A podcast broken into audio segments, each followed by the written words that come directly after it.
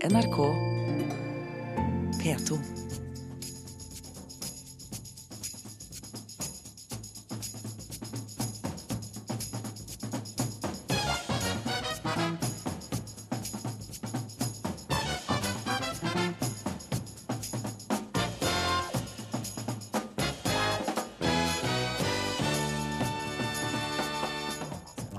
Jens Stoltenberg er modig, sier venninne fra barneskolen om den nye Nato-sjefen. Jens eh, slåss mot en av de, de store guttene i skolegården. Vi går inn i hodet til han som trolig blir ny Arbeiderpartileder. Altså Hvis det er noe jeg opplever som veldig innviklet, så er det å si noe veldig konkret om akkurat det. Og forslag om å ta Gud ut av speiderloven vekker oppsikt. Vi har hørt hva småspeiderne selv mener. Man vet jo ikke hva Gud vil at du skal gjøre. Hei og velkommen til ukeslutt i NRK P1 og P2. Jeg er Ingvild Edvardsen, og i neste timen skal vi også møte kjente pensjonister som vil skrote honnørrabattene. Vi skal først til mannen som har vært på alles lepper de siste ukene. Jeg har eh, i dag informert Arbeiderpartiets sentralstyre om at jeg har eh, takket ja til eh, jobben som ny generalsekretær i Nato, og at jeg tiltrer der 1.10. Og Det innebærer at jeg også har meddelt sentralstyret Arbeiderpartiet at jeg trekker meg som leder i Arbeiderpartiet. Ja, Jens Stoltenberg har holdt kortene tett til brystet, men i går ble det vi alle har gått og ventet på endelig offisielt. Han blir ny Nato-sjef. Men hva er det egentlig ved Stoltenberg som gjør at Nato vil ha ham? Reporter Kari Li har snakket med venner og motstandere. Ja, er, det, er det gratulerer, eller? Altså, det er ikke noe grunnlag for det. Han røpa ingenting. Lek at jeg spør deg. Ja. Jeg har makt til det. Ja. Og da sier du Uansett hvor kreativt han ble spurt, holdt Jens Stoltenberg på hemmeligheten. Da må jeg si det jeg har sagt gjennom mange måneder nå. At... I går ble ryktene endelig bekrefta. Jens blir ny leder i Nato. Hvordan er mannen vi sender til Brussel? Jeg husker han kom ned til han kom ned til statstjenestemannskartellet, tror jeg var da jeg jobba der. Og de som satt på forværelse, de var så begeistra for denne pene mannen som kom på besøk. Du kjenner vel igjen stemmen? Her ved Sognsvannet i Oslo gikk Geir Liv Valla ofte søndagstur med Jens Stoltenberg. Han var statsminister, og hun var LO-leder. Jeg opplevde nok um, de gåturene som uh, ganske hyggelige. Jeg pleide å ha med appelsin eller eple som vi tok når vi kom opp på toppen. Det var ikke Jens sin, uh, sin, greie. Men viljen til å komme hverandre i møte var sterk. Det var jo oppe i skogen her vi fant uh, et kompromiss når det gjaldt pensjonssaken, hvor vi var ganske uenige i utgangspunktet, men vi begge uh, la godviljen til og fant et kompromiss. Og da Valla inviterte på pizzakveld, var Jens ikke sein å be. Jeg var nettopp flytta inn, jeg hadde ikke bord, jeg hadde bare en krakk. Jeg hadde en dårlig stekeovn, når jeg laga pizza til uh, oss to. Og han hadde med en flaske rødvin, for han kom fra Paris. Og um, den pizzaen ble utrolig dårlig, for den stekeovnen var sikkert 40 år. Og eh, det var noe av det jeg var mest imponert over Jens for da, da sa han nei, eh, pizza kan være krevende. Den her var god, sa han. Det var den overhodet ikke.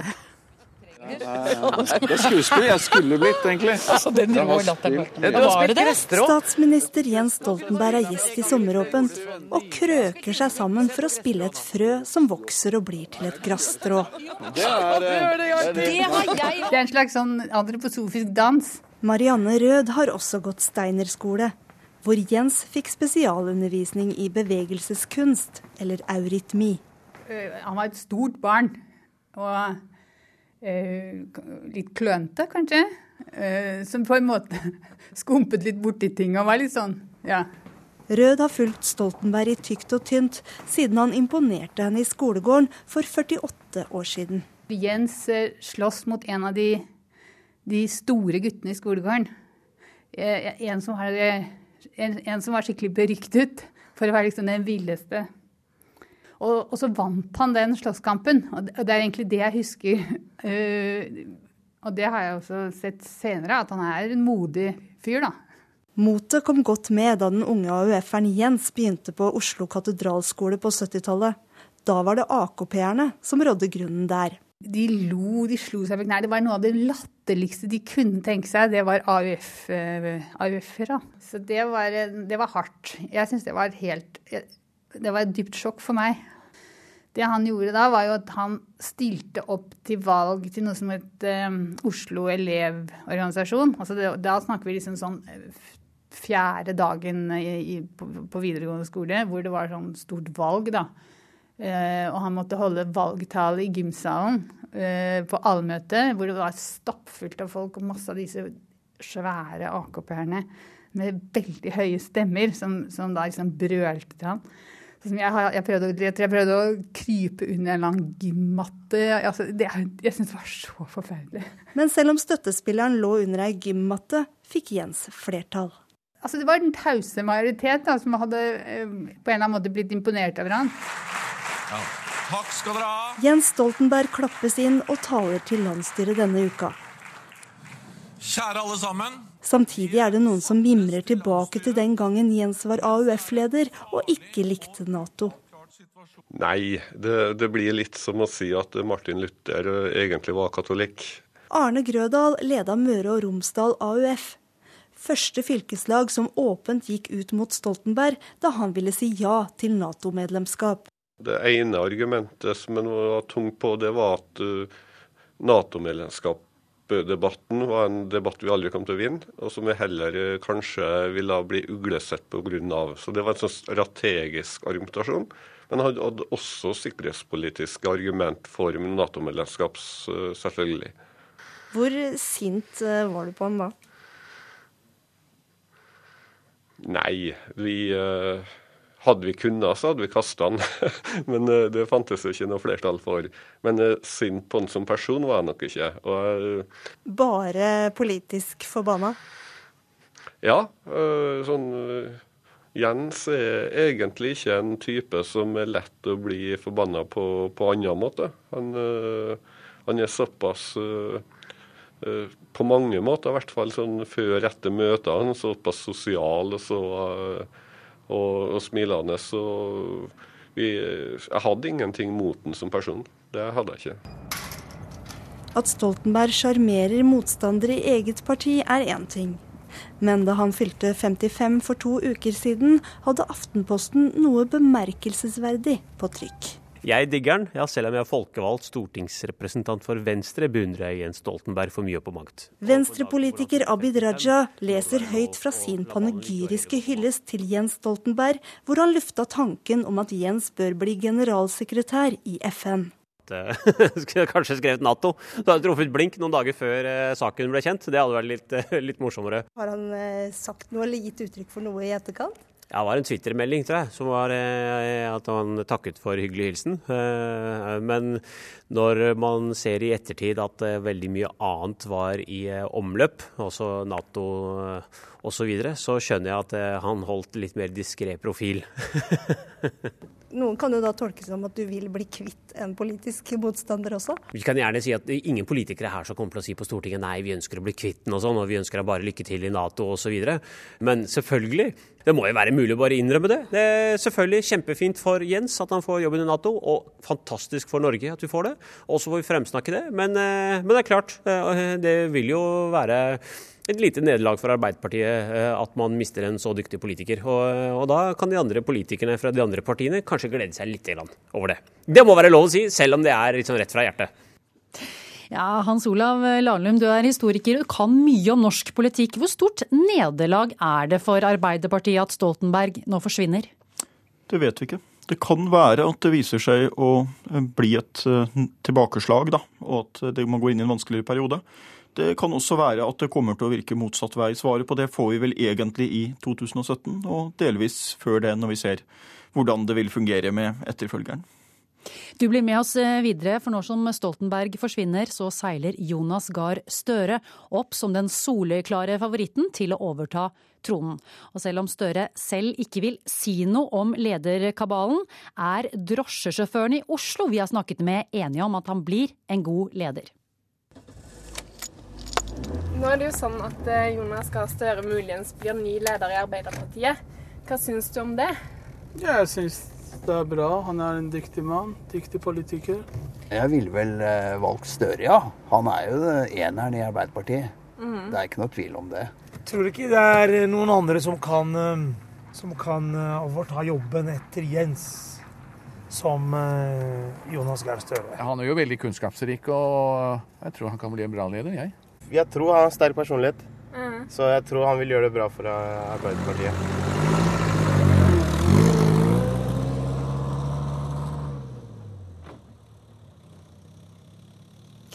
Vetle Lid eh, Larsen, du kjenner Støre fra videregående skole. Hvordan var han da? Jeg må jo si det eh, at jeg har erfart etter hvert at alle, alle de jeg møtte på videregående, når du treffer dem igjen mange år senere, så er de akkurat maken. Så, så det skjer forbløffende litt der i livet. Så jeg vil si at Støre eh, fremsto den gang som han gjør nå, egentlig, som en, en meget aktiv og meget interessert og eh, faktisk ganske lyttende person. Han var litt mer uskikkelig den gang, det skal ikke så veldig mye til. Men, men hadde Hvordan også en del Nei, han var jo også litt rampete, faktisk. ikke sant? Han var jo ikke helt, helt på plass alltid. Så, så, men, men tross alt innenfor meget eh, dannede rammer. Så, så han hadde en veldig eh, Han var tidlig inne og satt hos rektor i storefrikvarterene, mens vi andre var ute og pynte fluer og slåss om skolebrødene. Så han hadde jo en, en, en klar profil, veldig tydelig, uten noen gang å bli selvhøytidelig, syns jeg. Det, det skal sies. Eh, Så det henger på en måte på greip at han eh, nå kan bli leder av Arbeiderpartiet. Nesten, i hvert fall. Vi har ikke med oss Støre i dag, men jeg ønsker velkommen til deg, Ruben Kvålseth. Hører du oss? Ja da. Du parodierer eh, politikere, annet Støre. Hvordan snakker han? Ja, altså jeg vil bare for, først si at jeg opplever at jeg er veldig glad for det spørsmålet. Og jeg føler på mange måter at dette spørsmålet treffer meg på en måte inn i denne helseregionen vi kaller hjertet. Og jeg føler på mange måter at det er et veldig, Men jeg syns det er vanskelig å svare på. Jeg syns dette blir vanskelig i forhold til uten at dette har vært oppe i sentralstyret. Og nå opplever jeg også at jeg snakker meg veldig bort i forhold til det du spurte om. Og det er en egenskap jeg har hatt veldig god bruk for, særlig som helseminister. Det er noe i der, i den gata der et sted. Hva, hva gjør du for å bli Støre? Ja, Altså, ja, nå fikk jeg jo litt dårlig tid med Støre, men han, han, jo, han, han bruker jo veldig mange eh, ord, og litt sånne diplomatiske ord. Han, det er jo tydelig at han har vært utenriksminister mange år, syns jeg det høres ut som. i hvert fall. Og så har han jo ikke så veldig karakteristisk stemme, så du, du må nesten prøve å ta han på måten å snakke på. altså. Eller om ordvalg og, og den Snakke litt rundt grøten, kanskje. Har han noe av andre politikere i seg? Ja, ja, jeg tenker på en måte at han er litt farva av noen av de han har jobba mye med. At han, at han, Det er på en måte litt, rann, litt rann Jens også uh, i, i, Jonas, også, som også er litt rann sånn. Og at han kanskje til og med også har litt grann Gro Harlem Brundtland òg. Føler jeg ligger liksom litt Men det er langt baki, men at, at det ligger et eller annet baki der. Vetle Lill Larsen, eh, hvor kommer eh, Støre fra? Hva slags hjem kommer han fra? Nei, det, er vel velkjent at, at uh, Støre kommer fra Oslo vest. Uh, og det er jo en helt utmerket kvalifikasjon her i livet, syns jeg også, så, det er sagt. Men, men jeg syns jo, uh, jeg som en perifer venn da, fra tidligere, må jo også si at jeg mm, tross alt registrerte at han kom fra et hjem som, som var veldig Altså et, et, lesende, snakkende hjem hvor de også lyttet til hverandre. Og, og vi skal huske på at, at vel er far til Støre skipsmegler, men moren hans er bibliotekar. Og, og, det var et hjem hvor man leste, altså. Og, og, og, jeg kom jo fra et hjem hvor man drepte hverandre i diskusjoner, men der satt man og, nikket og syntes motstanderens argumenter var interessante. For meg var det en helt revolusjonerende uh, opplevelse. Det, og det, har han på en måte brakt med seg videre, for jeg føler at, at det tross alt er et tenkende menneske. Og det er ikke alle politikere uh, Det betyr ikke at han tenker riktig alltid, men, men, men det er ikke alle politikere du har den følelsen av at det tross alt foregår en intellektuell prosess før uttalelsene kommer, og det, det syns jeg virkelig særpreger Støre. Diplomatisk kan jo være et stikkord her. Hans Olav Lahlum, hva slags partileder i Arbeiderpartiet tror du Støre blir? Det er spennende å se, men dette passet veldig godt for han sånn timingsmessig. fordi hvis Stoltenberg hadde fortsatt over valget i 2017 og enten vunnet eller tapt da, så ville tiden på en måte gått fra Støre. Altså Da ville han begynt å bli for gammel til å starte en karriere som partileder. Når Stoltenberg nå gikk på det tidspunktet han gjorde, så er Støre er jo av samme generasjon som Stoltenberg. Det er vel bare et år aldersforskjell på de to. Men han ligner jo på Stoltenberg på veldig mange måter, samtidig som han har en egen profil. Og så er det slik at noe av styrken til Arbeiderpartiet, som gjør at partiet har holdt stillingen så godt som det har, sammenlignet med sosialdemokratiske partier i mange andre land, er at partiet har vært veldig dyktig til å finne ledere som er tilpasset sin tid. Og Gahr Støre ville ikke vært noen god partileder for Arbeiderpartiet hvis du går noen tiår tilbake. Men han er en veldig interessant partileder for Arbeiderpartiet i dag, fordi han kan ha appell til en gruppe velgere som er veldig viktig for det. Det er veldig typisk at det er en kritikk fra deler av venstrefløyen i Arbeiderpartiet og fra litt LO-miljøer og sånt, at han ser for mye ut som en høyremann. Og det er klart pluss i den situasjonen hvor valgene i stor grad blir avgjort av en stor gruppe velgere som går frem og tilbake mellom Arbeiderpartiet og Høyre og ligger i grenseland der. Det Vi- håper man vi- at Støre kan ha appell til, slik Stoltenberg har hatt ved et parti. Denne kritikken om at han er en høyremann eh, kom bl.a. denne uken. Det er sterke krefter i LO som heller vil ha Trond Giske på tronen. Vi skal høre hva Leif Sande i Industri Energi sa.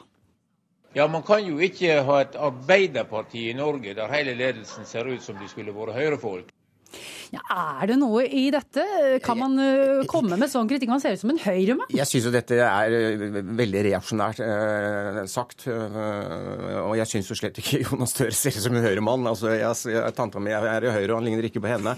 Så, så det skal jeg bare si. Så, slik at Vi må også huske på at, at, at, at Støre nå kan bli leder i Arbeiderpartiet, avspeiler, som Lahlum også er inne på, en, en, tross alt en transformasjon i det norske samfunnet. Og det gamle klassedelte samfunnet, det gamle arbeidersamfunnet, eksisterer ikke lenger. Vi har, vi har fått en stor, øh, velutdannet middelklasse, og Støre er på en måte deres mann. Og det er på en måte det som er den dominerende klassen i, i Norge. Og det er jo disse Arbeiderpartiet må fange inn hvis de skal fortsette å være et stort parti. Så sånn sett så kan ikke jeg skjønne annet enn at, at Støre må være rett mann til rett tid. Ja, Lahlum. Nei, jeg er for så vidt enig i det, i hvert fall hvis målet er å vinne valget i eh, 2017. Det kan være litt interessant å merke seg I en veldig internasjonal tid så er han jo på sett og vis også den mest internasjonale partilederen man har valgt. I den forstand at her har vi jo en veldig utradisjonell bakgrunn. sånn, En person som ikke har gått opp i partiapparatet, men i stedet vært utenriksminister. Han er den første tidligere utenriksminister som blir partileder i Arbeiderpartiet. Men det, det er litt interessant det vi hører fra LO, fordi det er en gammel motsetning her. Jeg intervjuet for noen år siden tidligere LO-formann Tor Aspengren, og han sa da om akademikerne at det var de vi ikke likte, men som vi forsto at vi trengte.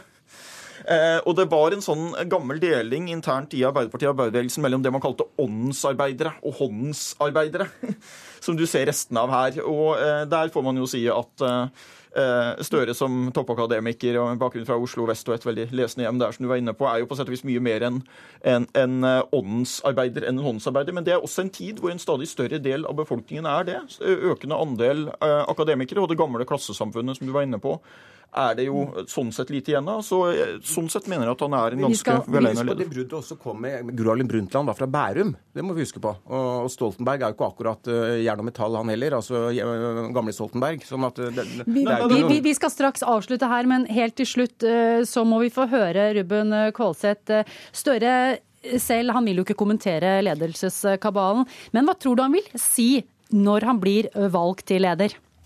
Altså jeg, vil, jeg vil bare si at jeg syns dette blir litt vanskelig. Jeg vil illustrere det ved å si at nå kommer jeg rett ifra lunsj. Og der hadde vi også da valgene.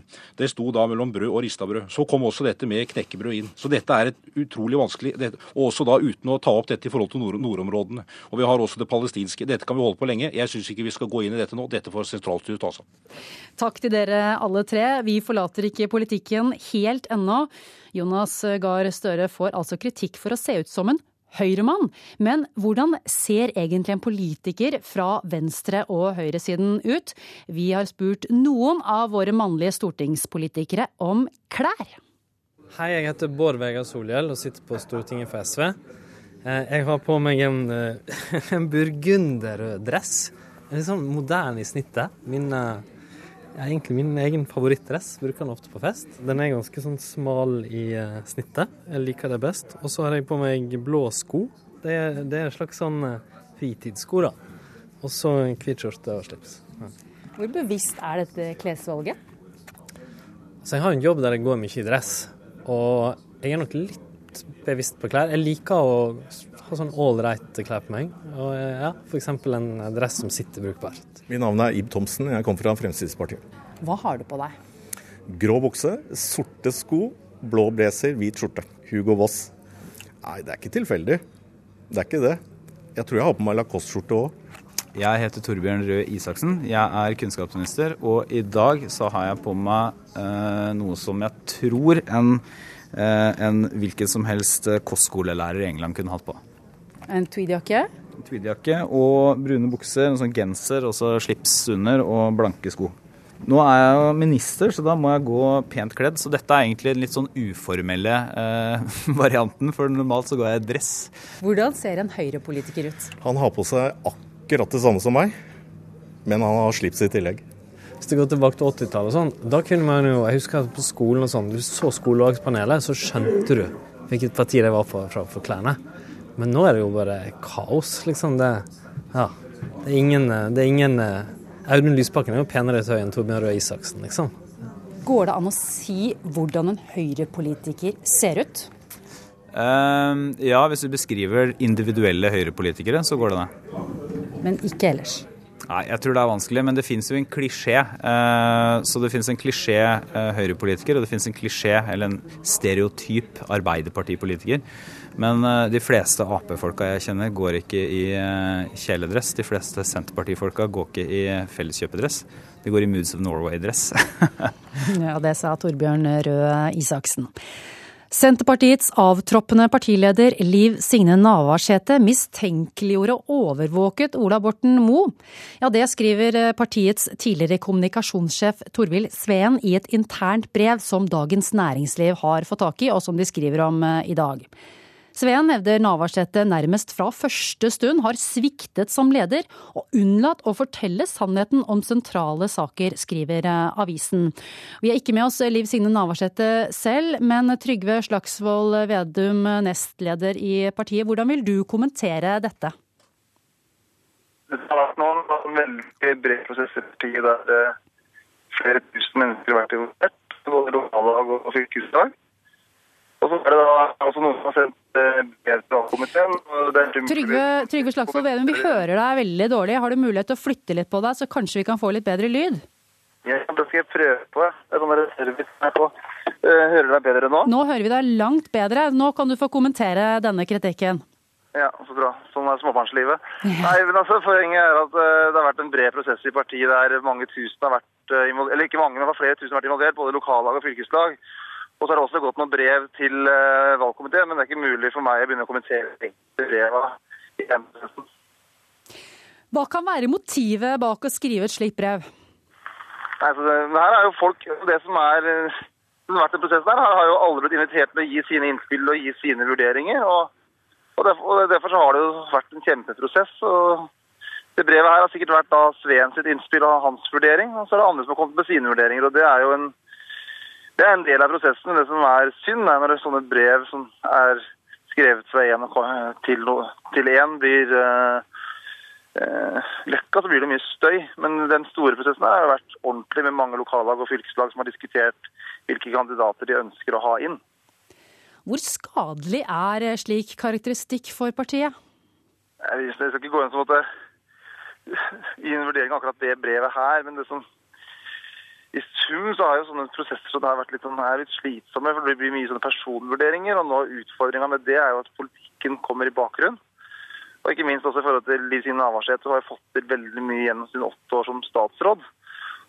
Så Det blir jo litt skadelidende for alle de resultatene, all politikken, det man egentlig med blir liksom borte i støyet rundt personer. Men nå har vi hatt en grundig prosess. Nå har valgkomiteen kommet med sin innstilling, og vi skal ha landsmøte neste mandag. Og når det er gjennomført, så skal, så skal vi begynne å jobbe med politikk for fullt. Og så forhåpentligvis er det altså det som da skal fylle avisspaltene, ikke sånne ulike vurderinger av ulike personer.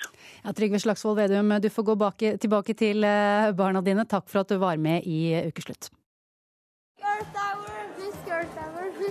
Skru på lyset! Ja, Det vi hører her, er barn på Kolbotn som er veldig opptatt av noe som skal skje i kveld, nemlig Earth Hour. Da skal vi slukke lysene. Det oppfordres til å gjøre mellom 20.30 og 21.30. Dana Vanono, reporter, du er sammen med disse barna. Ja, her jobbes det hardt for å minne folk på å skru av lysene hjemme i kveld. Jeg står nemlig på Kolbotn senter utenfor Oslo, og kjøpesenteret er jo kanskje selve symbolet på forbrukersamfunnet.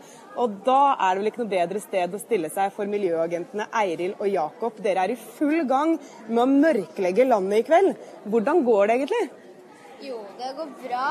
De fleste er hyggelige og svarer fint, men andre kan være litt småfrekke. Er det folk som har hørt om Earth Hour før, eller? Ja, noen har nok hørt, men det er noen som liksom glemmer det. Det er ikke alle som har hørt om det, da. Men hvorfor er det så viktig å skru av lyset i kveld? Fordi så, man må minne på miljøet. Hvor viktig miljøet er. Eh, når du eh, skrur på lyset og har det på, så forbruker du så får du bare oppvarming. Og da blir det global oppvarming, så smelter isen. Og da kommer du ut i vannet, og da kan det fort bli oversvømmelse i forskjellige land.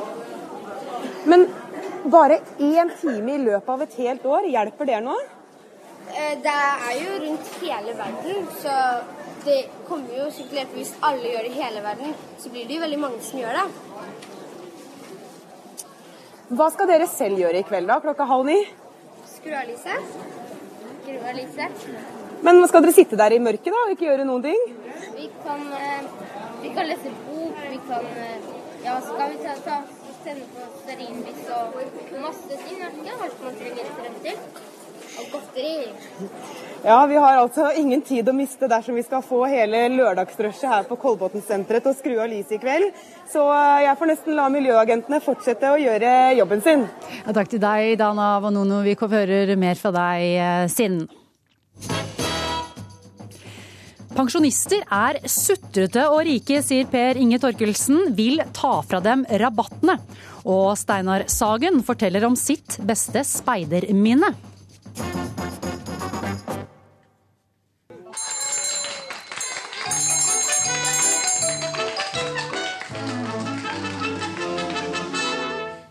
Billetten koster ingenting på denne trikken her, og alle passasjerer får en liten kake hver. For trikkefører Syversen, han er en vennlig mann som gjerne vil at alle er som han. Det går med full musikk og sang, og ruten vår er ikke lang.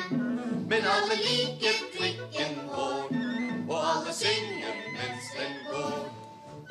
Ja, Det er idyllisk å kjøre trikk i Kardemommeby, men her i Norge får man verken kake eller gratis billetter på trikken. Men nå kan det bli dyrere for en del av oss pensjonistene. I Oslo vurderer man nemlig å endre honnørrabatten fordi de gamle blir rikere. Og en som vil gå lenger, det er deg, Per Inge Torkelsen. Velkommen til ukeslutt. Takk skal du ha. Du hadde premiere på ditt eh, nye show i går, der honnørbillettene var nesten dobbelt så dyre som vanlige billetter. Hvorfor det? Det er jo fordi at pensjonistene etter hvert er ei veldig rik gruppe, og det er ikke de som bør få avslag. Det er heller alenemødre eller innvandrere eller studenter. Vi vi må gi billige billetter til de som har lite penger, og dyre billetter til de som har mye penger. Var det langt mellom de gråhårede på premieren din i går? Det var ganske mange, men, men samtidig så vet jeg jo ikke om de hadde betalt full pris, så det er litt vanskelig. Jeg mistenker en del av de for å ha løket på alderen. De har sneket seg inn? Ja, jeg tror nesten det. For det var, det var en del så helt tydelig det var godt over 65 år. Vidar Lønn Arnesen, eh, hva synes du om dette? Ja, mener du nå Torkelsen og hans eh, Begge deler. Både trikkehonnørrabatt Ja, og, og på kinoer og teater osv. For å ta Torkelsen først, da, bort i Stavanger. Eh, jeg syns jo dette var et veldig godt reklametriks. Han burde jo vært en fantastisk reklamemann, eh, egentlig. For eh, han har fått mye oppstuss og mye presse på den ideen der. Men hvis jeg skal ta det helt alvorlig, så må jeg jo si det er stygt, frekt og, og, og til og med meget alvorlig hvis det er sant det han holder på med og har tenkt å fortsette med. Når det gjelder Ruter i Oslo og honnørbilletter, så skjønner jeg jo etter rabatten at det nok eh, vil komme en eller annen forandring en eller annen gang. Men dette må jo utredes, og dette må da gjøres slik at det blir eh, fornuftig og, og rettferdig for alle aldersgrupper, egentlig. For man kan ikke bare ta pensjonistene og, og de uføre og blinde og si at nå må dere betale full billett lenger. For selv om mange etter hvert har fått god økonomi, eh, så er det også veldig mange som eh, ikke lever på annet enn minstepensjonen. Og den er sannelig ikke særlig høy når man kommer på årsbasis, før skatt er trukket fra. Vi har også med oss eh, Ingeborg Moreus Hansen, tidligere kinosjef. Dette er jo to saker. Det handler om rabatt på kollektivtrafikk, men også da rabatt på, på scene. Hvis vi tar dette stuntet til Torkelsen først, hva synes du om det? Jeg liker, jeg liker klovnen i samfunnet. Vi skal ha noen klovner, og Torkelsen er en av klovnene våre. Og makta bør ha klovner som sier ifra. Um, og jeg er enig med ham at man ikke skal ha honnørbilletter for den, de, den aldersgruppe vi snakker om. Ehm, men nå er det jo sånn da, at eh, når man tar fra noen et gode, så blir det alltid spetakkel. Det er jo ingen av oss som vil ha mindre lønn eller mindre pensjon eller ikke få lov til å få det gratis som vi alltid har hatt gratis. Men jeg syns altså at vi skal, i likhet med Torkelsen, gi pengene og rabatter til de som virkelig trenger det. Så har vi dette med trikk og buss og kollektiv. Der er jeg imot at man tar vekk honnørbilletten. Fordi kropp alder. Alder er kropp. Og, og, ikke tall og ikke penger heller, men det er kropp. Og etter hvert som vi blir eldre, så kan vi ikke sykle lenger. Vi kan ikke bruke bilen lenger. Og derfor bør det være honnørbillett for den gruppen fortsatt. Så der er jeg også eh, imot at man tar vekk den billetten. Men jeg er for at man tar det vekk på kulturområdet. Fordi alder er altså kropp, ikke sjel ikke hodet. Og jeg er for at vi i den tredje alder skal være på plass i samfunnet. Vi er jo så sterke, og vi er så våkne, og vi er så på plass. Det er ikke synd på oss. Men når det så er sånt som pensjonsdebatten, den må vi ikke ta nå, altså, for jeg skjønner meg ikke på den heller for øvrig. Men det er disse som har den laveste pensjon, kunne få mer så har vi den debatten unna. Vi skal høre hva noen av pensjonistene på gata synes. Dana Vanono, du er fortsatt med oss. Ja, jeg har fått lov til å slå meg ned her med en gjeng livsnytende pensjonister som sitter og koser seg med wienerbrød og nytrakta kaffe og eh, tar lørdagen med stor ro. Og hva syns egentlig dere om at eldre kanskje ikke lenger skal få honnørrabatt på trikk og buss og bane? Det syns jeg er helt meningsløst at vi skal ta fra oss det. Hvorfor det? Jo, fordi at dette her er noe vi har slitt for i, i alle år. Og så kom vi så langt, og så blir det ikke bedre. Hva syns du om at kanskje honnørrabatten eh, ikke skal se dagens lys lenger? Det er helt borti vegga. Men vi kan ikke regne med noe annet med den regjeringa vi har fått nå. Enig med de to andre. Ja, her er eh, det klar tale fra pensjonistene på Kolbotn-senteret. De er ikke spesielt fornøyd med dette forslaget. Hør med deg, Per Inge Torkelsen. Dette har vi slitt for i mange år, ja. sier eh, pensjonistene. Det er vel en del som har dårlig råd? Jo da, det er noen minstepensjonister som har dårlig råd. Spesielt i de store byene hvor husleiene har gått opp. Men det er veldig få, og de kan sikkert få hjelp. Men faktum er jo at det er kun 10% av minstepensjonistene som kun har minstepensjon. De øvrige 90% har andre inntekter. Pluss at antallet minstepensjonister går ned. og Det blir færre og færre minstepensjonister òg. Jeg har hatt moro denne uka av å spørre venner og kjente om hvordan det går med pensjonistene i slekta. Da var det en som sa at mor mi er i Syden og har ikke leilighet i Spania. Så sier jeg ja, men har ikke hytte i Ryfylke òg? Jo, men der er jo om sommeren. Så faktum er jo at norske pensjonister ser på all statistikk og tallmateriale. Det er verdens rikeste pensjonister, og syns det er så snålt at de skal framstille seg som så stakkarslige og lutfattige. De er ikke det. De har masse penger. Ja, Aftenposten i dag også kunne vi lese om et ektepar som reiser verden rundt på, på businessklasse. Pensjonert ektepar, men hjemme her i Norge får de honnørrabatt på toget. Hva er logikken bak det, Vidar Lønn Arnesen? Jeg leste også den eh, artikkelen der. og det, det, det er klart at det er en del mennesker som har lagt seg opp penger, og som har det. Dermed er det jo ikke sagt at de går bort til billettluket og sier at jeg skal ha honnørbillett.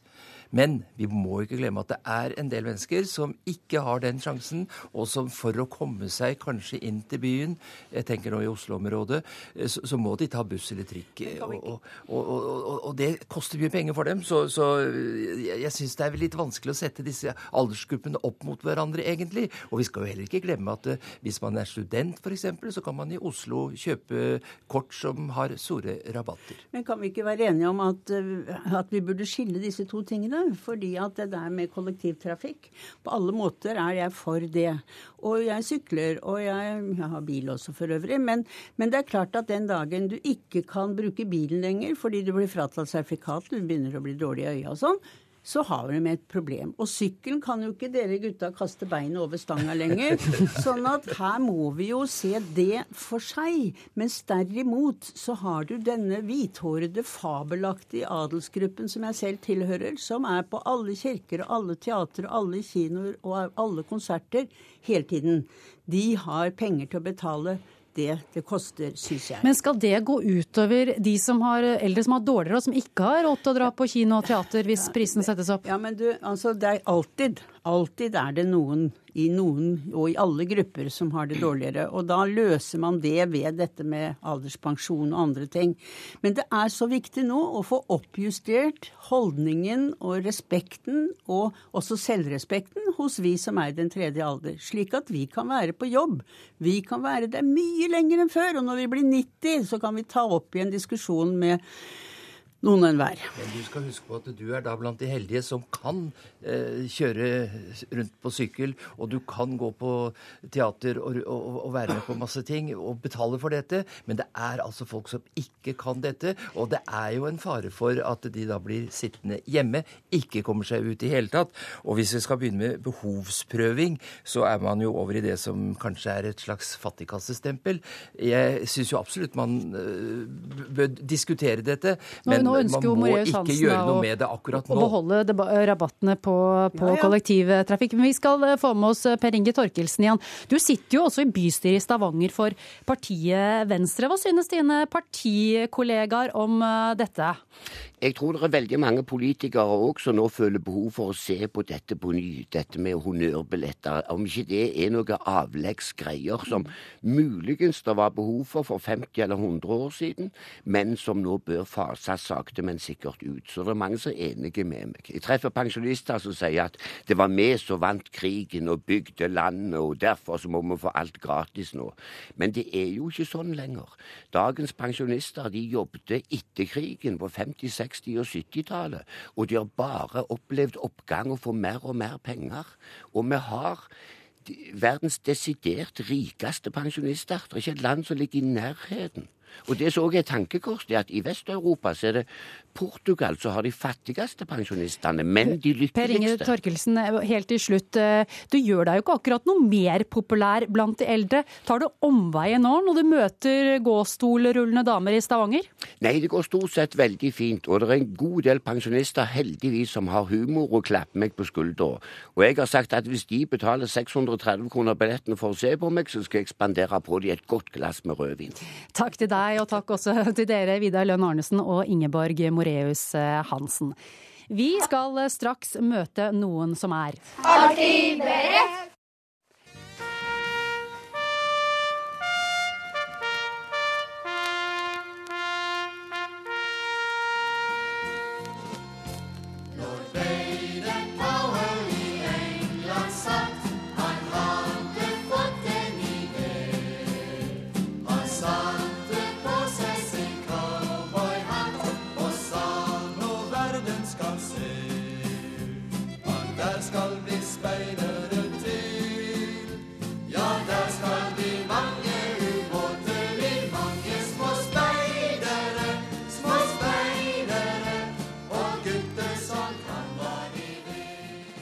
Kanskje var det noen gamle speidere som dro kjensel på denne sangen. Denne uka har debatten gått om Gud skal ut av speiderloven. For eh, småspeiderne i Bærum i Akershus er det kanskje aller viktigst å få fyr på bålet. Dere begynner med å tømme Ser dere har delt inn i, i tre her nå. Dere skal telle tre bål her. Og så krøller du den sammen i en ball. Rosa og blå allværsjakker kjemper om plassen rundt bålet. Første Høvik småspeidere skal lære seg å lage bål i dag. Hva er det så kulest med å være på speiderne? At man lærer. Hva lærer dere, da? Man lærer litt forskjellig. Og så har vi spikket en trekniv og ja, og lager bål og litt sånn. Det er en fin ting å vinne venner. Det er jo ikke hver dag NRK er på speidertreff, men denne uka har speiderloven skapt overskrifter. Forslaget om å fjerne Gud fra speiderloven møter Det er mange speidere og speideres foreldre som er, føler det ubehagelig at det er så sterk kristen For oss kristen så er speiding en kjempegod aktivitet som òg favner en åndelig dimensjon. Uh, Jeg husker best kanskje det gøyeste i speideren var nattmanøvre. Steinar Sagen fra Radioresepsjonen mimrer fra sine glansdager i speideren.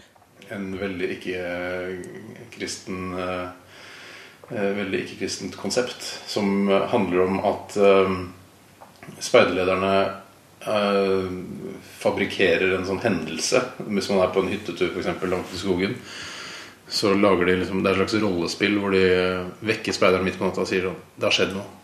Det har skjedd noe alvorlig. Det har vært et bankran inne i Oslo. Og Oslo-politiet har bedt uh, første Holmlia KFM-speidere om hjelp til å finne bankranerne. og alle bare Å, herregud, er det sant? Hæ? Det er fy fader, det er Shit. Herregud, selvfølgelig har de bedt speidere om hjelp, for vi er jo her ute, og vi er jo eh, operative. Og så var det da ut og gå manngard midt på natta med hodelykter og, og sånn. Så plutselig så Shit, der ser vi noen eh, Der er bankranerne, liksom. Og så er det plutselig bilkjøring på skogsveier og sånn.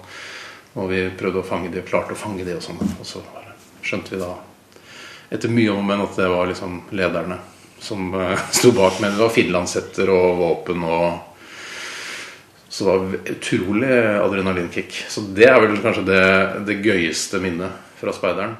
Har det blitt bra bål i dag, eller? Her er det marshmallows på dere. Ja! Kan dere noen av speiderreglene? Man skal være en god venn. Ja. Det er nummer fire. Har dere hørt om en av de reglene som noen vil forandre på? Ja, Vet du hvilken det er? den, om, den å være lydig mot Gud. Ja, hva tenker du om den?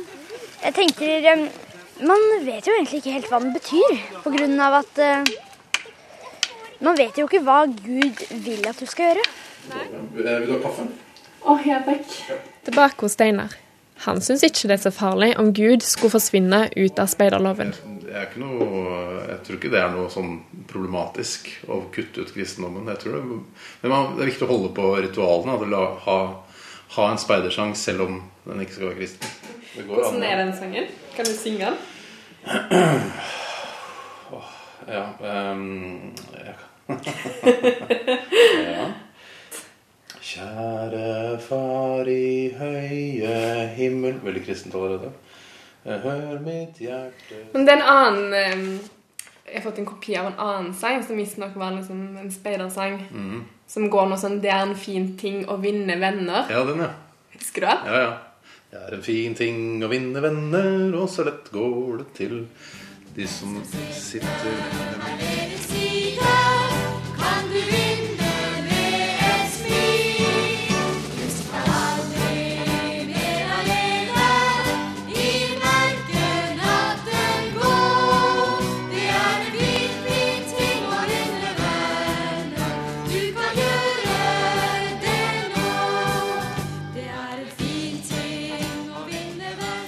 Ja, det er en eh, fin ting å vinne venner. Og Ingvild Braut som hadde laget denne reportasjen.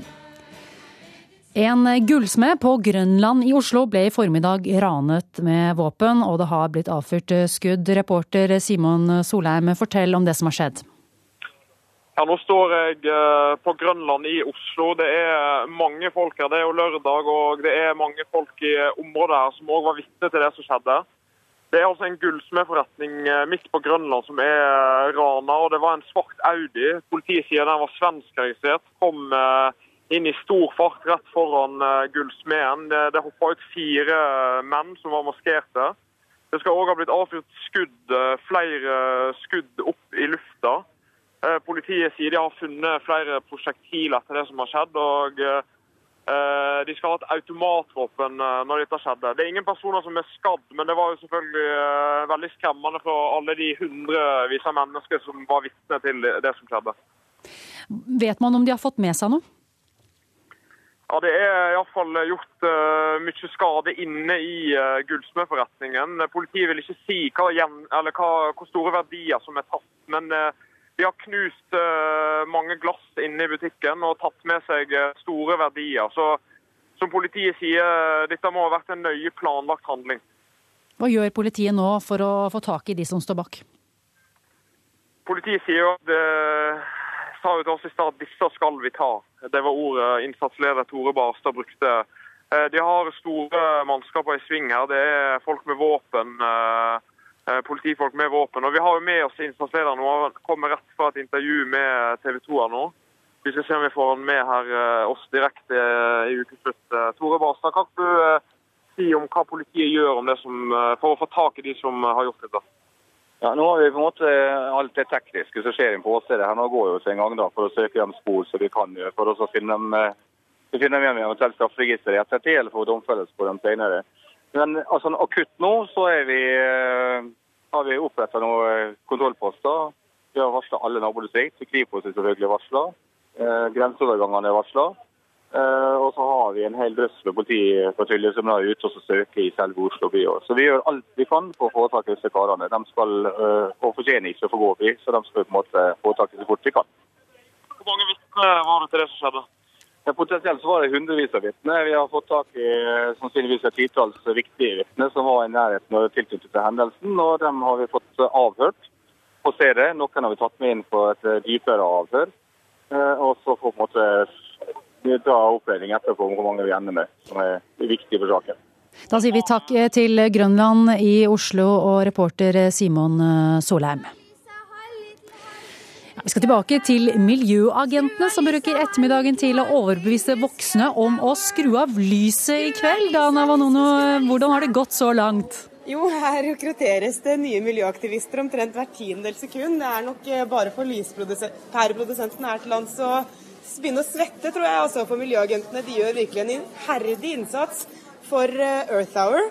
Og eh, Eiril og Jakob, det virker som det er noen voksne som ikke har fått med seg hva Earth Hour er. Hvorfor tror dere det? Uh, jeg tror mest det er fordi de ikke bryr seg så veldig mye om akkurat det. Og kanskje de tenker sånn Det er jo bare én person. Og, men hvis alle tenker sånn, så vil jo det ikke være noen som gjør det. Ja, uh.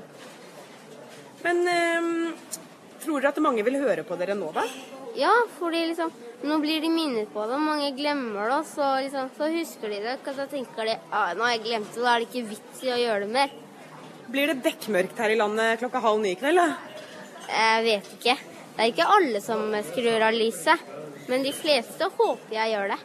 Ja, Da er det bare å ønske lykke til til miljøagentene Eiril og Jakob, og oppfordre alle til å skru av lyset for miljøet i kveld klokka halv ni. Den oppfordringen får vi alle ta med oss. Det gjelder å slukke lyset i kveld, altså. Nå til Oslo sentrum, der det akkurat nå pågår en antirasistisk demonstrasjon. Og der er du, Kristine Næss Larsen. Fortell litt om det som skjer. Ja, jeg sitter, befinner meg nå i Spikersuppa like ved Nationaltheatret i Oslo sentrum. og Som du sier, så er det duket for en ganske stor antirasistisk folkefest her i Oslo sentrum i dag. Det er strålende sol, og folk begynner å strømme til fordi det antirasistiske arrangementet her det skal starte ca. nå klokken halv to. Men det er allerede kommet en god del folk, og det serveres eh, saft. Og det er duket for eh, konserter, eh, DJ-er som skal spille disko, og folk er også oppfordret til å kle seg ut i 80-talls eh, diskoklær. Så det er, det er høy stemning her foreløpig. Men Samtidig så kan vi også, hvis vi snur oss litt, se opp på Løvebakken utenfor Stortinget. Der er det jo tillyst en annen demonstrasjon som skal starte litt senere i dag. Ja, hva går det ut på? Der er det, der er det folk som, eh, som eh, kaller seg eh, frihetskjemperne, eller noe i den duren, som er kritiske til islam, kritiske til innvandring. Og til dels også kaller de seg nasjonalister. Eh, De søker å holde da en markering utenfor Stortinget klokka 14. De har, Vi snakket med dem på telefon litt tidligere i dag for å høre hvor mange de trodde ville møte opp, og da antydet de overfor meg ca. 30-50 personer. Mens her på, i Spikersuppa, eh, på det antirasistiske arrangementet, så antyder de at det vil komme ca. 400. Politiet de er jo selvsagt forberedt på at det kan eh, bli konfrontasjoner, men det er ikke ventet fra noe hold, fordi maktforholdet er såpass ulikt som det det er. Um, Men det er synlig politi i Oslo sentrum, og de er til stede på hester og med store biler, selv om de holder en, en lav profil foreløpig. Vi får håpe alt går rolig for seg Oslo sentrum i dag, eh, der du er. Altså takk til deg, Kristine Næss eh, Larsen. Nå en værmelding ved Øyvind Johnsen. Ja, god ettermiddag. Dette er Meteorologisk institutt i Oslo. Eh, Resten av dagen i dag og i morgen så venter sludd- og snøbyger nord for Trondheimsfjorden. Ellers så er det faktisk ganske mye pent vær, og det ventes uendret eller litt lavere temperatur. Inntil i dag klokken 13 så har Vats i Rogaland landets høyeste med 17,4 grader foreløpig. Varsel for fjellet i Sør-Norge. Skiftende bris og for det meste pent vær. Men i morgen noe mer skyet, først i nordlige områder. Østafjells rolige vindforhold og for det meste pent vær. I morgen ettermiddag tilskyende på Østlandet, og til kvelden kan hende enkelte regnbyger i Hedmark. Vestlandet sør for Stad skiftende bris, nordlig opp i frisk bris på kysten av Sogn og Fjordane. I ytre strøk mulighet for lokal tåke, ellers mye pent vær. Møre og Romsdal nordøstlig opp i frisk bris på kysten. I dag stort sett pent vær, i morgen lokal tåke i ytre strøk først på dagen. Ellers ventes skyet eller delvis skyet og oppholdsvær. Trøndelag nordvestlig bris, spredte regn- eller sluddbyger nord for Trondheimsfjorden. Ellers snøbyger i høyden.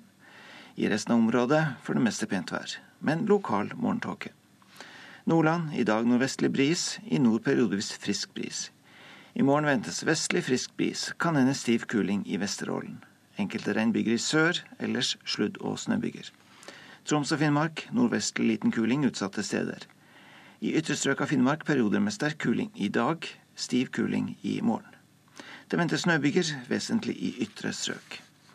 Og Nordensjøland nordlig opp i frisk bris, enkelte snøbyger på kysten. Ellers oppholdsvær. I morgen nordlig bris, spredte snøbyger i nord, særlig ved Isfjorden. Ellers stort sett pent vær. Og det var værmeldingen. Ukeslutt er over. Ansvarlig for denne sendingen var Gry Veiby. Hanne Lunås hadde ansvar for teknikken. Jeg, Ingvild Edvardsen, ønsker deg alt godt denne lørdagen.